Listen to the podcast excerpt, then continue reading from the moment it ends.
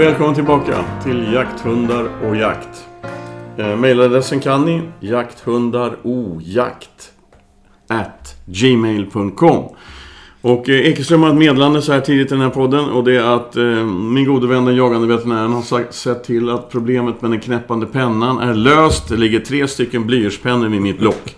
Eh, så att nu är vi borta från... Han har sprutat vatten på mig med en spruta också här för att jag ska lugna ner mig. Han är svårkorrigerad Peter, men eh, vi får se om det funkar. Vi ska fortsätta med frågelådan och eh, Jenny som har varit en, en flitig gäst i podden här. Hon skickade väldigt många frågor. Hon ska faktiskt få svar på ett par frågor till inledningsvis. Och hon hade en gråhund bland annat och då tror jag att det här berör gråhunden också. Peter brukar ju säga att om man har en hund som man drar bakåt i kopplet så blir den naturliga instinkten hos hunden att dra framåt. Och då har Jenny den, den eh, intressanta frågan, funkar det tvärtom också? Om jag till exempel är ute och går med hunden, den stannar och kissar. Om jag då drar honom framåt, kommer han vilja dra bakåt?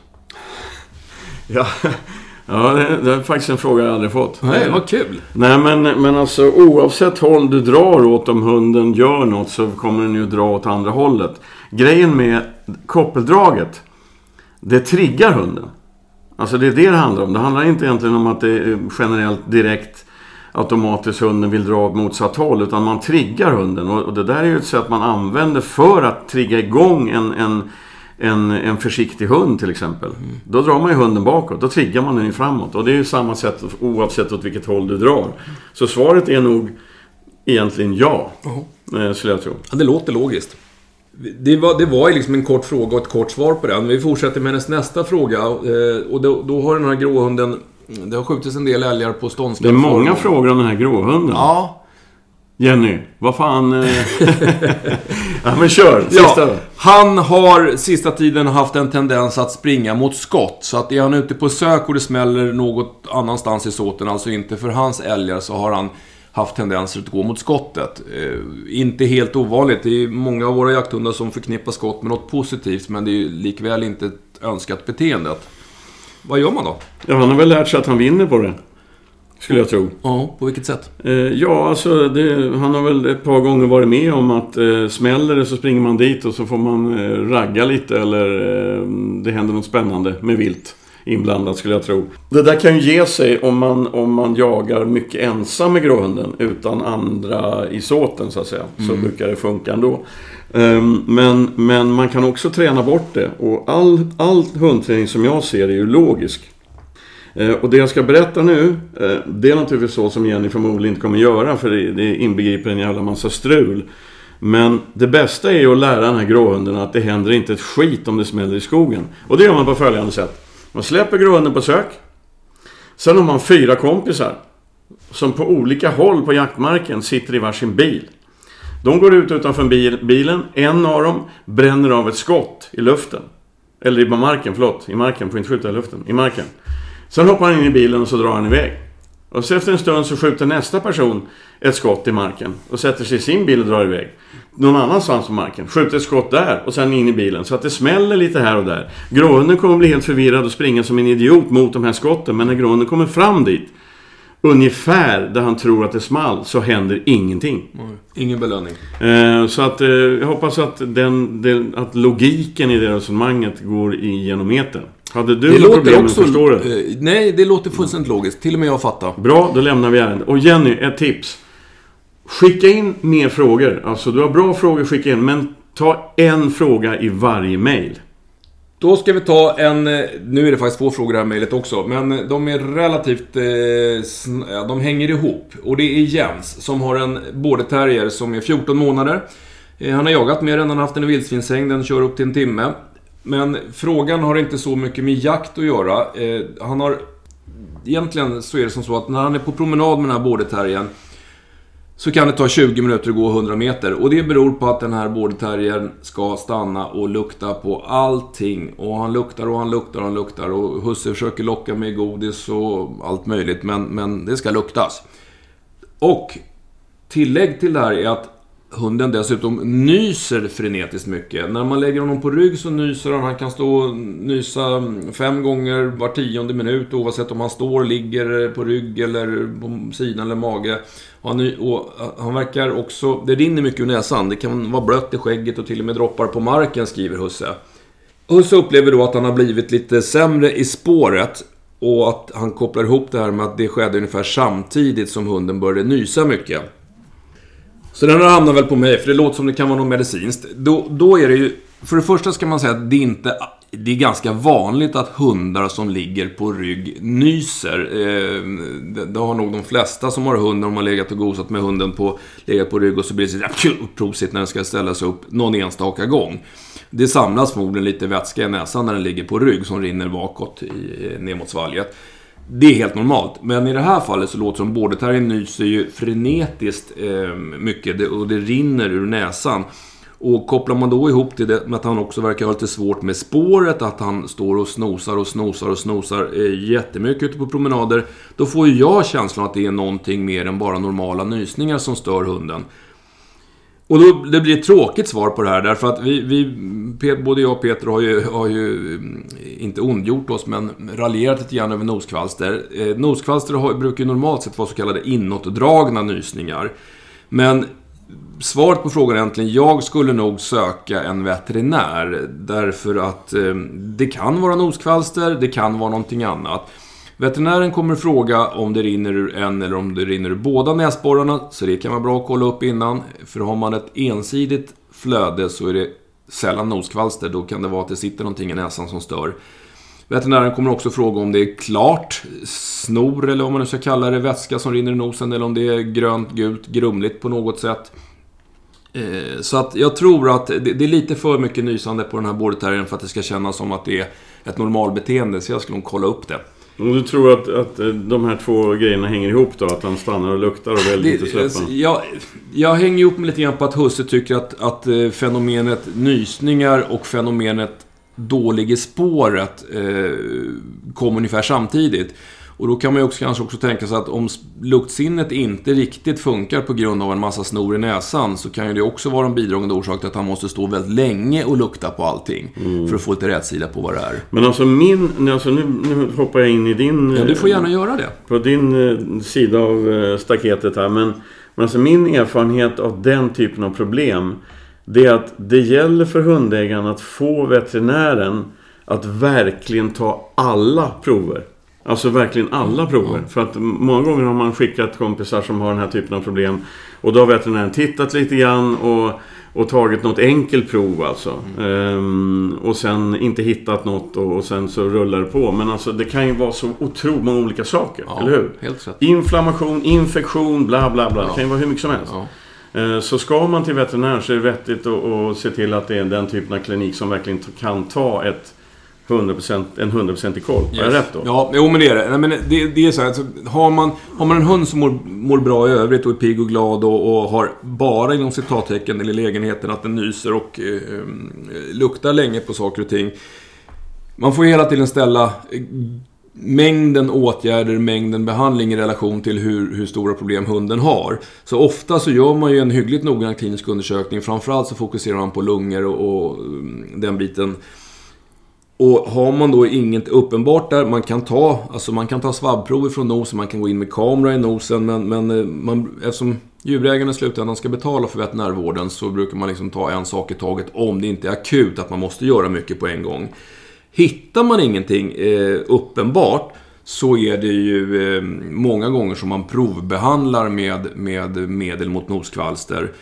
Eh, för sen, vi gör ju så, alltså, de, de mest bortsett från att ta prover, de mest detaljerade undersökningar man kan göra på näshåla, för näshålor är svårt att komma in i. Man kan gå in med ett rinoskop, alltså med en kamera in i näsan. Men man kan också göra en datortomografi, alltså att man gör en skiktröntgen på skallen och tittar. För det kan sitta föremål i näsan. Men då är det oftast att det är bara från ena näsborren. Jag har dragit ut barr och grenar och alla konstiga saker ur näsborrar. Men då är det oftast att det rinner bara i ena näsan. Så att, men det är precis som du säger Peter, man, man, man ska inte... Eh, blir det ett problem som ska utredas vidare, då ska man gå till något ställe som har resurser. Men för jag tänker så här att en jakthund är rätt så beroende av sitt luktsinne. Minst sagt. Eh, så att eh, ja. det, det, måste fan funka. Ja. Nu ska vi hoppa över till en annan kul fråga. Och vi har inte pratat så himla mycket apportering. Eh, Det är definitivt inte min specialitet. Jag vet att Peter har jobbat en del med apportering, men det finns nog många som är bättre än både jag och Peter på apportering. Men det som är roligt med den här frågan är att Martin har en ADB, alltså en Al- Alpenländisch Dachbrache, eh, som han jagar klövvilt med. Den är parad och eh, förhoppningsvis så kommer de få en kull och då har de tänkt behålla en tikvalp. Tikvalpen tänker han försöka apportera med därför att det finns beskrivet eh, i ADBns eh, rasbeskrivning att den ska vara apporteringsvillig. Så, så han vill gärna komma igång med, med apportering på den här eh, valpen. Eh, för då får han lite bredare jaktmöjligheter. Och, så då är ju naturligtvis frågan... Det är inget konstigt alltså. Jag har kompisar som har taxar som apporterar. Tyska jaktterrier som apporterar. Och sådär. Men, men eh, han, han undrar hur han ska, hur han ska få en Han har, han har en väldigt konkret frågeställning. Jag behöver tips på vart och när man ska börja. Ni kanske till och med kan rekommendera en bra bok. Eh, Du har nej, tips? Ja, fast tips om bok har jag inte. Du får skriva en. Nej. Nej.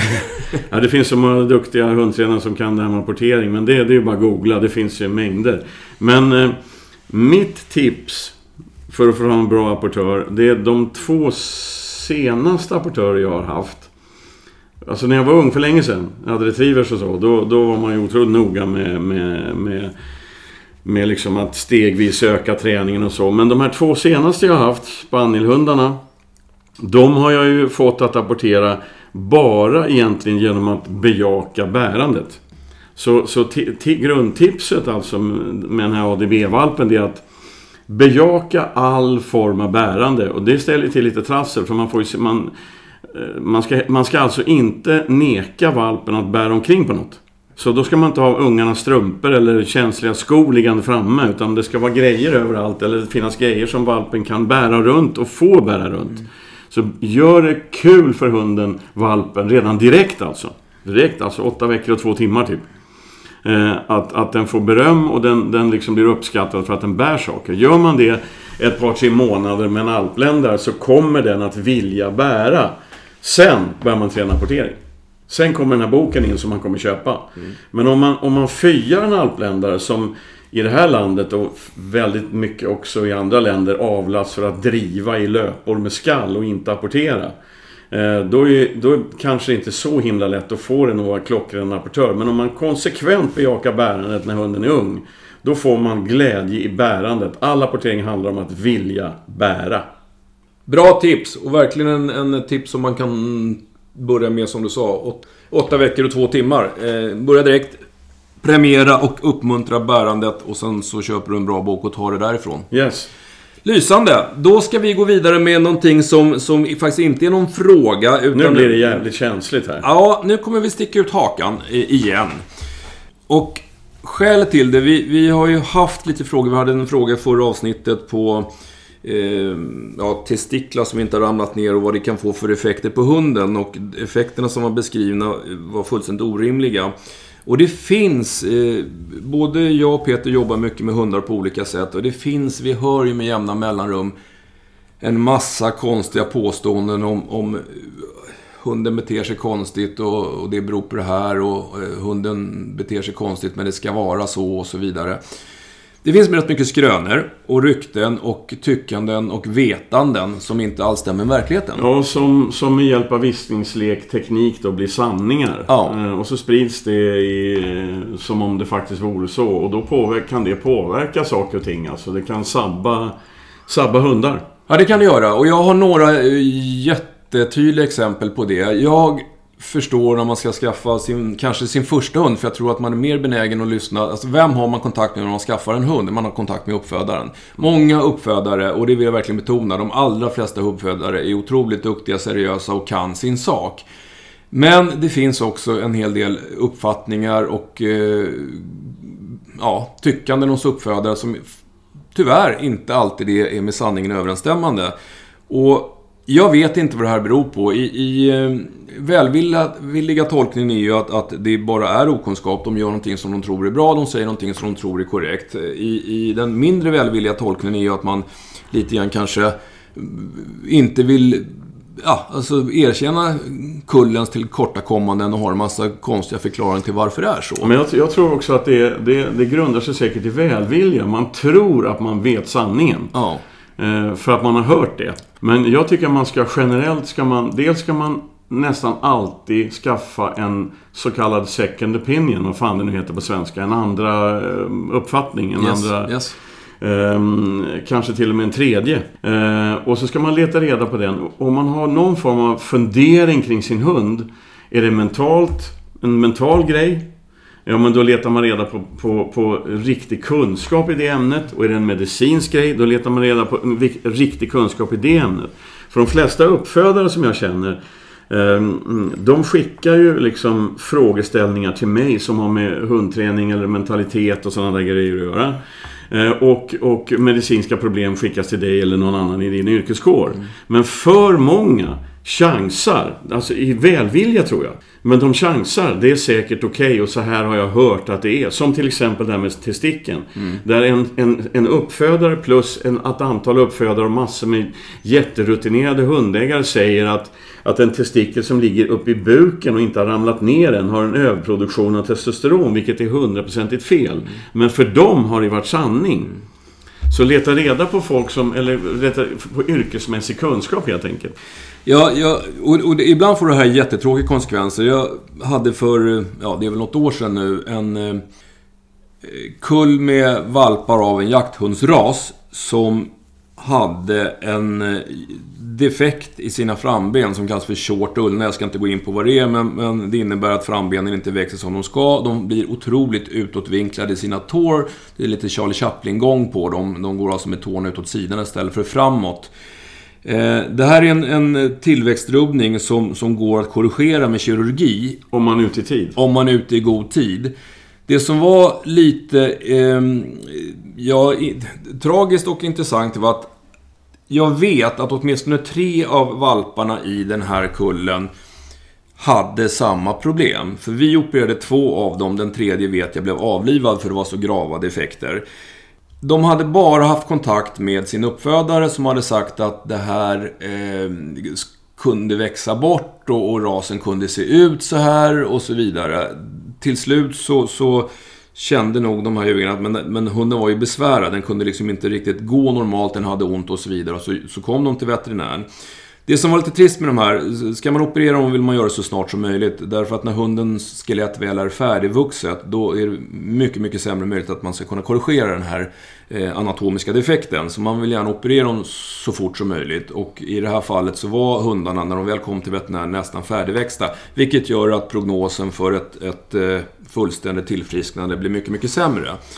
Eh, Men, men alltså då, då, då, du menar då alltså att risken är att just den här uppfödaren ville liksom inte erkänna att, det var, att, inte, att han hade haft otur i aveln helt enkelt? Jag vet inte om det var så, va? Men, men, men budskapet är lite grann det du sa. Jag tror att det är klart man ska lyssna på sin uppfödare, för de har mycket kunskap och, och de kan mycket. Men, men har man någonstans en känsla att men det här är, är inte... Eh, det är någonting som inte stämmer. Så, så ta, precis som du säger, ta kontakt med de som kan det. Är det psykiska problem, ta kontakt med de som kan hundar på det sättet. Är det medicinska problem, så prata med en veterinär. I värsta fall så kostar den 700-800 spänn på ett veterinärbesök och sen blir det inte mer än Ja, så. visst, och är det så att man har fortsatt magkänsla efter att ha pratat med en veterinär, jag pratar då för fan med en till. För att jag Helt- menar... eh, precis. Så, så att man, för att eh, allt för... Det kan vi stoppa in nu i, i, i, i pratet här. Att vårt mål är ju att hundar ska bli bra, de ska må bra. Det är hundarnas i första rummet liksom. Jag tycker det är... Eh, och då är det bra, smart alltså att få second opinions på alla möjliga sätt. Ja, definitivt. Och jag menar, jag får ganska många hundar som kommer till mig för en second opinion. Och jag är övertygad om att en hel del djurägare som varit hos mig går till någon annan veterinär för en second opinion. Jag tycker det är bra. Därför att alltså, vi kan inte allt och, och vi har olika specialiteter. Eh, så att, så att eh, är man osäker så ta det vidare. Nöj dig inte bara med att... Alltså jag, jag är liksom, jag får ju mycket, många hundar till mig där det finns någon form av problem alltså. Det kan vara ett jaktligt problem det kan, eller det kan vara någon mental grej. De förstår, ägarna förstår inte hunden eller så. Jag fixar inte allt. Nej. Jag har inte svar på allt. Men, men då försöker man ju vara ödmjuk nog och säga att det, det här tror jag men jag är inte säker. Ni får gå till någon annan. Jag, kan inte, jag är inte hundra på det här. Eh, och och det ska, den typen av kommentarer tror jag man ska lyssna efter när man pratar med en så kallad specialist. För alla kan inte allt. Ingen blir någonsin fullärd i det här ämnet, som jag ser det. Nej, men det Men det finns så. en sak till som jag tycker vi ska prata om. Och det är att, låt oss säga att en uppfödare har en tik. En champion rakt igenom. Snygg som fan och duktig på sitt arbete. Mm. Leta reda på en hanhund som är precis lika snygg och som är superjaktchampion och allt är lugnt liksom. Det ser fantastiskt ut på båda. Båda, båda hundarna är kärnfriska. Man kan inte misslyckas. Så parar man de två. Och det här har hänt. Jag har ett exempel på en Laika-kull. Eh, ut ur den parningen så kommer en kull valpar. Efter 11-12 veckor så är alla valpar avlida, har, de avlivats därför att de har en medfödd superdefekt när det gäller matstrupe och luftstrupe eller vad det nu var för någonting. De, de var tvungna att tas bort. Trots att de här två föräldrahundarna inte hade överhuvudtaget visade. Och det är ju ditt, eh, ditt Ja. ämne. Det handlar om genetik. Ja, det ibland, Exakt. ibland har man helt enkelt 100% oflyt. Yes, och, och det är därför jag tycker att alltså, en, en, en uppfödare som av någon anledning kanske får fram en kull som har någon defekt eller någon åkomma. Alltså, det är ingenting, jag, jag tror inte någon medvetet avlar på dåligt material, men det kan bli ett dåligt resultat ändå. Därför att Därför- genetiken ser ut hur då? Jo, men så här är det. Alltså vi har ju... Om man, jag får beskriva det lite, vad heter det, populärvetenskapligt. Eh, för att det inte ska bli allt för nördigt. Vi, har ju, vi får ju med oss arvsanlag från mor och far. Vi kan ta ett enkelt exempel. Bruna ögon. Man brukar kalla att bruna ögon är en dominant egenskap. Det vill säga att har jag en mamma med blåa ögon och en pappa med bruna ögon så är sannolikheten stor att barnen får bruna ögon. Men det är liksom inte helt... Nu, nu är det här ganska förenklat. Det är mer saker än en gen som spelar in. Men han säger så här. Du har dominanta anlag. Det är de som kommer synas på eh, avkomman. Och så har man det som kallas för recessiva anlag. De får stå tillbaka. Smygande anlag som finns i dimman, dolda. Ja, men de är med. Så att när man har en parning, om jag nu har en pappa med bruna ögon, då brukar man säga att det dominanta anlaget, det brukar man skriva som en stor bokstav. Vi kallar det för ett stort A.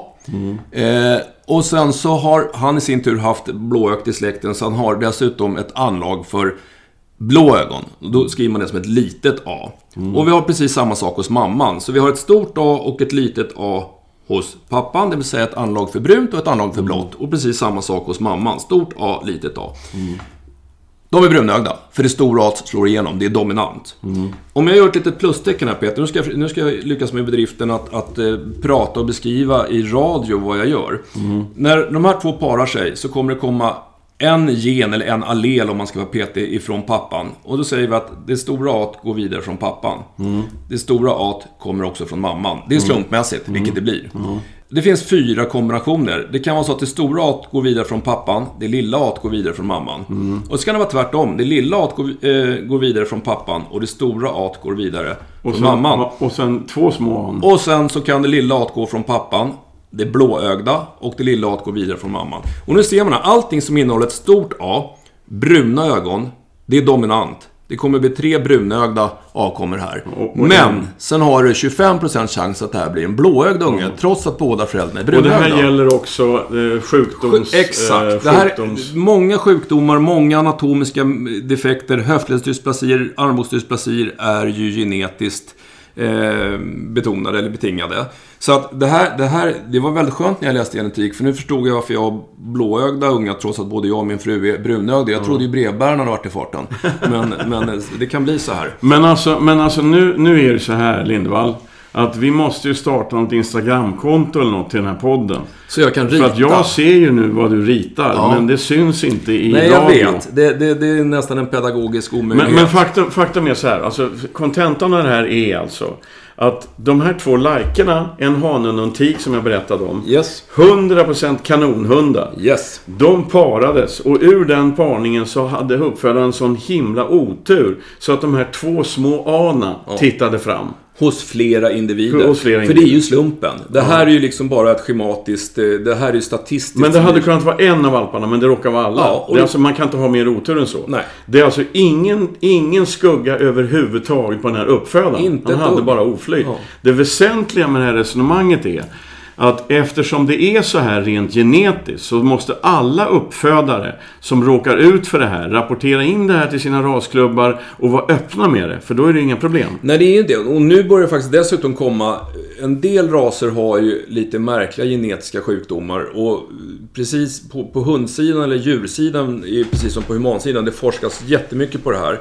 Så hela genomet, alltså hela genuppsättningen hos hundar finns ju identifierat. Så man vet ju precis vilka gener som gör var, vad och var de sitter. Så att man kan numera för en del av de här lite udda sjukdomarna som är många är rasbundna så kan man faktiskt ha gentester innan parning. Okej. Så vi, det händer ibland att vi tar blodprover, det skickas gentester till antingen Frankrike eller USA och så får man se om, om hunden bär på den här recessiva eh, genen eh, överhuvudtaget.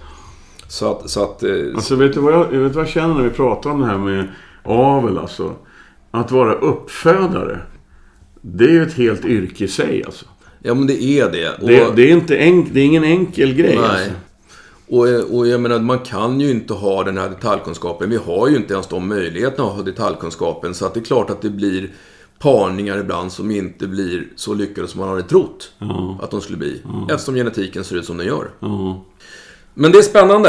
Eh, vi får väl hitta något Instagramkonto eller något Facebookkonto någonting och försöka visualisera våra Vi resonemang. måste ju fortfarande visa den här bilden på, på blandrasen tax vakt eller. Ja, den, Eh, Så vi, Den har vi sparat. Du är tekniken i sammanhanget här, så får se om du lyckas dra igång något konto. Eh, bildkonto på något vis. Bra! Nu har vi pratat bort hela vår fikapaus. Vi kan lika gärna fortsätta. Jag ska bara ta en liten kort inlägg härifrån Daniel som, som eh, tidigare mejlade in om en tax som hade en tråkig egenhet att den smet in i vardagsrummen där den inte fick vara och kissade på golvet. Du hade ett tips och sa att ja, men låt hunden vara med där inne eh, tillsammans med husse och matte och resten av familjen så kommer förmodligen det här problemet att upphöra. Daniel hade kommit på samma tanke faktiskt några dagar innan vi sände det avsnittet. Och, eh, så han lät taxen följa med in i vardagsrummet och nu har taxen slutat kissa. Så han taxa, tackar för tipset. Ehm, Det var i alla fall ett råd som funkar då. jajamensan. Bra. Det var det. Ska vi ta en fråga till? Då kan vi ta en, sån här repetitionsfråga. Vi hade en kille som heter André. Han har en karelare vaktel som skällde i bilen. Och det var ju det här, alltid så fort de var ute på grusvägar och skulle ut på jaktmarker så skällde hunden i bilen. Eh, vi, eller du framförallt, hade lite tips och idéer på, på hur han skulle göra. Eh, det verkar... Han kompletterar lite grann nu, André, här. Han har skrivit så här. Nu när jag kör och ska träna honom så är det på grusväg och han börjar skälla. Stannar jag bilen så tystnar han. Så fort jag börjar köra så är han igång igen. Går jag ur bilen så är han tyst. Men så fort han inte ser mig längre så börjar han skälla. Och det är ju väldigt svårt att säga till honom när jag är 30-40 meter bort. Hur ska jag göra om jag vill säga till honom i rätt ögonblick, det vill säga när han skäller? Ja, alltså, men, men alltså det första här är... Jag kommer inte ihåg vad jag svarade på hans första fråga eller det lät, men, men... Men alltså, när han inte ser mig längre, står det det? Ja, precis. Så länge Det han innebär är att han har en öppen bur. Hunden ser rakt ut. Ja, jag tror att vi var inne på att man skulle prova med täckt bur. Jag tror Husse hade provat med täckt bur också. Men det hjälpte inte. Nej. Men, men eh, då kan han ju inte se husse. Eh, Nej. Om man har täckt bur. Nej, nej, nu har han uppenbarligen inte täckt bur. Ehm, Så det är... Men, men alltså, har det blivit bättre då? För att... eh, Eller varför kompletterar han? Det är ju det här, så fort han tror att han är på väg ut på, på jakt när han åker.